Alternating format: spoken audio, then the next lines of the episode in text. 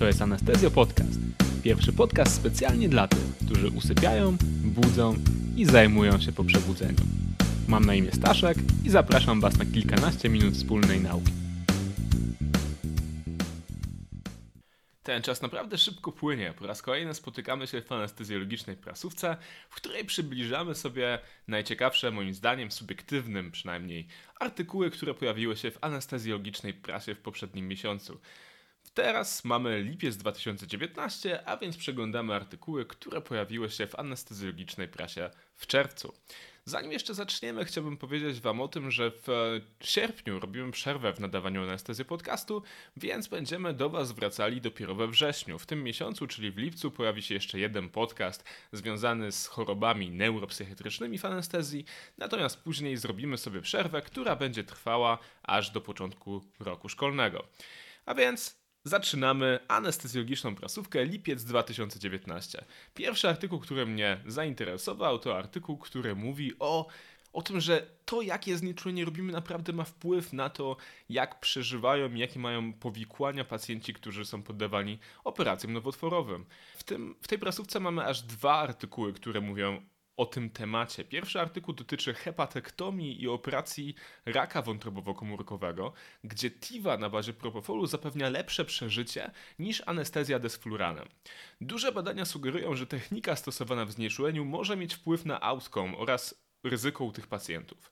Duże jednoośrodkowe badanie oceniło ten wpływ.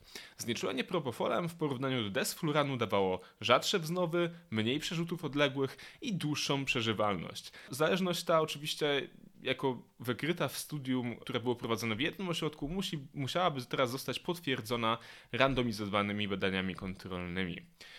Drugi artykuł, który mnie zainteresował, artykuł z European Journal of Anesthesiology, które mówi o możliwości zastosowania ultrasonografii do oceny ewentualnych trudnych dróg oddechowych.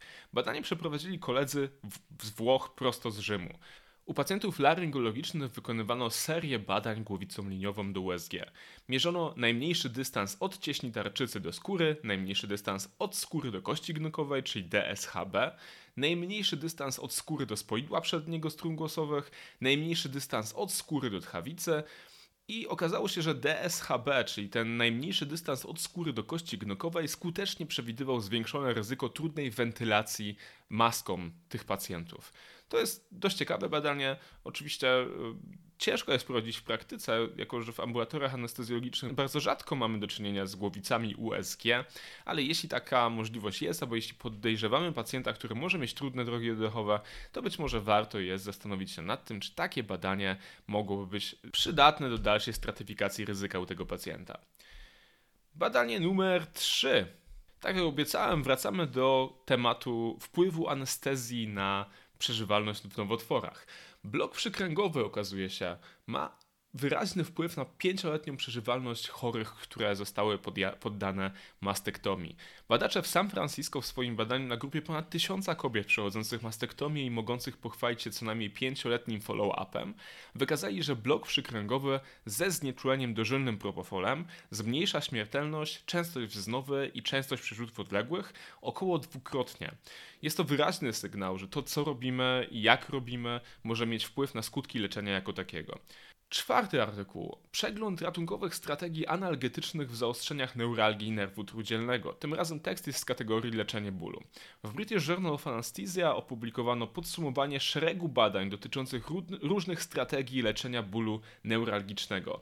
Zadowalający poziom dowodów osiągnęły różne rodzaje terapii. Anestetyki lokalne, które mogą być podawane przy nerwie ocznym, do śluzówki, do trigger pointów, e, podawane dożylnie, ale też do bloków nerwowych Podawano też leki przeciwdrgawkowe, agonistów serotoniny i sumatryptan. Podsumowanie tych wszystkich badań, ich skuteczności, różnych randomizowanych badań kontrolnych e, zostały, zostało umieszczone w jednym artykule w British Journal of Anesthesia i ten artykuł bardzo ciekawy jest, polecam przeczytać.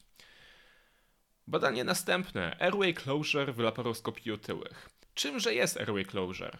Airway closure, czyli zamknięcie dróg oddechowych, definiowane jest jako brak komunikacji między proksymalnymi drogami oddechowymi a pęcherzykami. Powstaje to na wskutek zapadania się dróg oddechowych.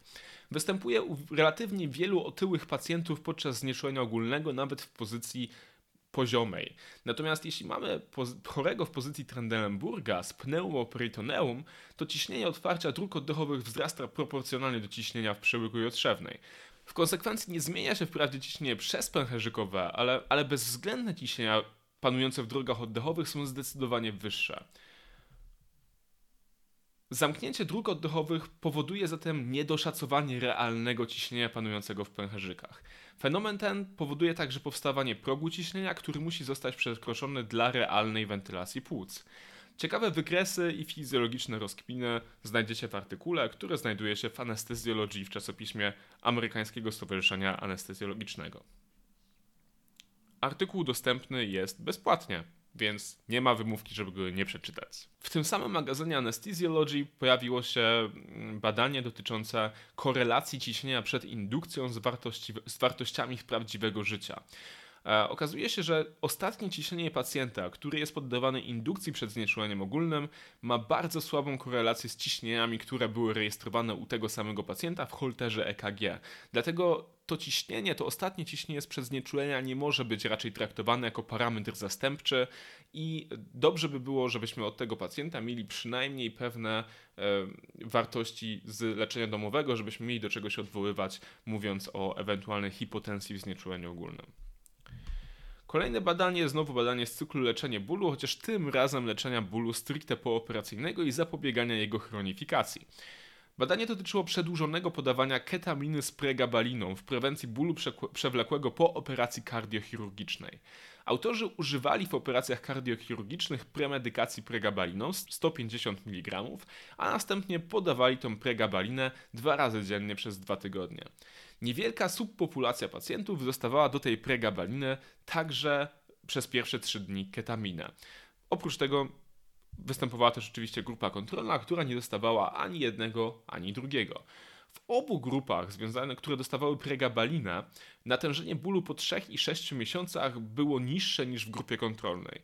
Natomiast podawanie ketaminy zasadniczo nie miało dużego wpływu, czyli pregabalina plus ketamina i pregabalina bez ketaminy dawały podobne skutki, jeśli chodzi o zapobieganie chronifikacji bólu, ostrego bólu pooperacyjnego. Kolejne badanie i kolejny raz USG, które generalnie ostatnio jest dość modne w anestezjologii. Badanie oceniało efektywność zastosowania ultrasonografii w identyfikacji przestrzeni podpajęczynówkowej u otyłych pacjentek znieczulanych do cięcia cesarskiego. Badanie USG przed punkcją może ułatwić znieczulenie podpajęczynówkowe w ułożeniu na boku u pacjentek z BMI 35-43. W przeprowadzonym badaniu wykazano poprawę sukcesów za pierwszym wkłuciem, zmniejszenie liczby wkłuć, e, skróciło całkowity czas procedury i zwiększyło zadowolenie pacjentki. W związku z tym, jeśli macie otyłą pacjentkę, u której nie za bardzo można wyczuć, co tam jest do wyczucia, przyłożenie głowicy USG może spowodować łatwiejsze zidentyfikowanie przestrzeni między wyrostkami e, kolczystymi i dzięki temu możemy łatwiej się wkłuć. Wiemy też na jaką głębokość mamy tą igłę wsadzić, bo jesteśmy w stanie zobaczyć również oponę twardą. I ostatnie badanie, które dzisiaj chciałbym przytoczyć, to badanie, które dotyczy również modnej techniki, czyli bloku prostownika grzbietu w analgezji pooperacyjnej. Blok płaszczyzny mięśnia prostownika grzbietu opisano po raz pierwszy w 2016 roku i od tego czasu zdobywa on rosnącą popularność. Stosowano go wielokrotnie do operacji torakochirurgicznych, ale w ostatnim czasie także do operacji nadbrzusza. Pomimo, że dokładny mechanizm tego bloku nie jest znany, badacze w anestezja analgizja wykazali w randomizowanym badaniu kontrolnym jego skuteczność.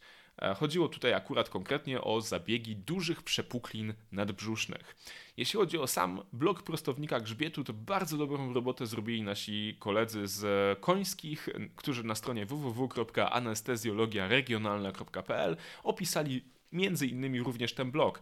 Także jeśli chcecie być na bieżąco z tym, co w anestezji regionalnej jest modne, to zapraszam Was na tę stronę i tam możecie bardzo dokładnie przeczytać, jak to zrobić, jak to działa i w jakich procedurach znajduje zastosowanie.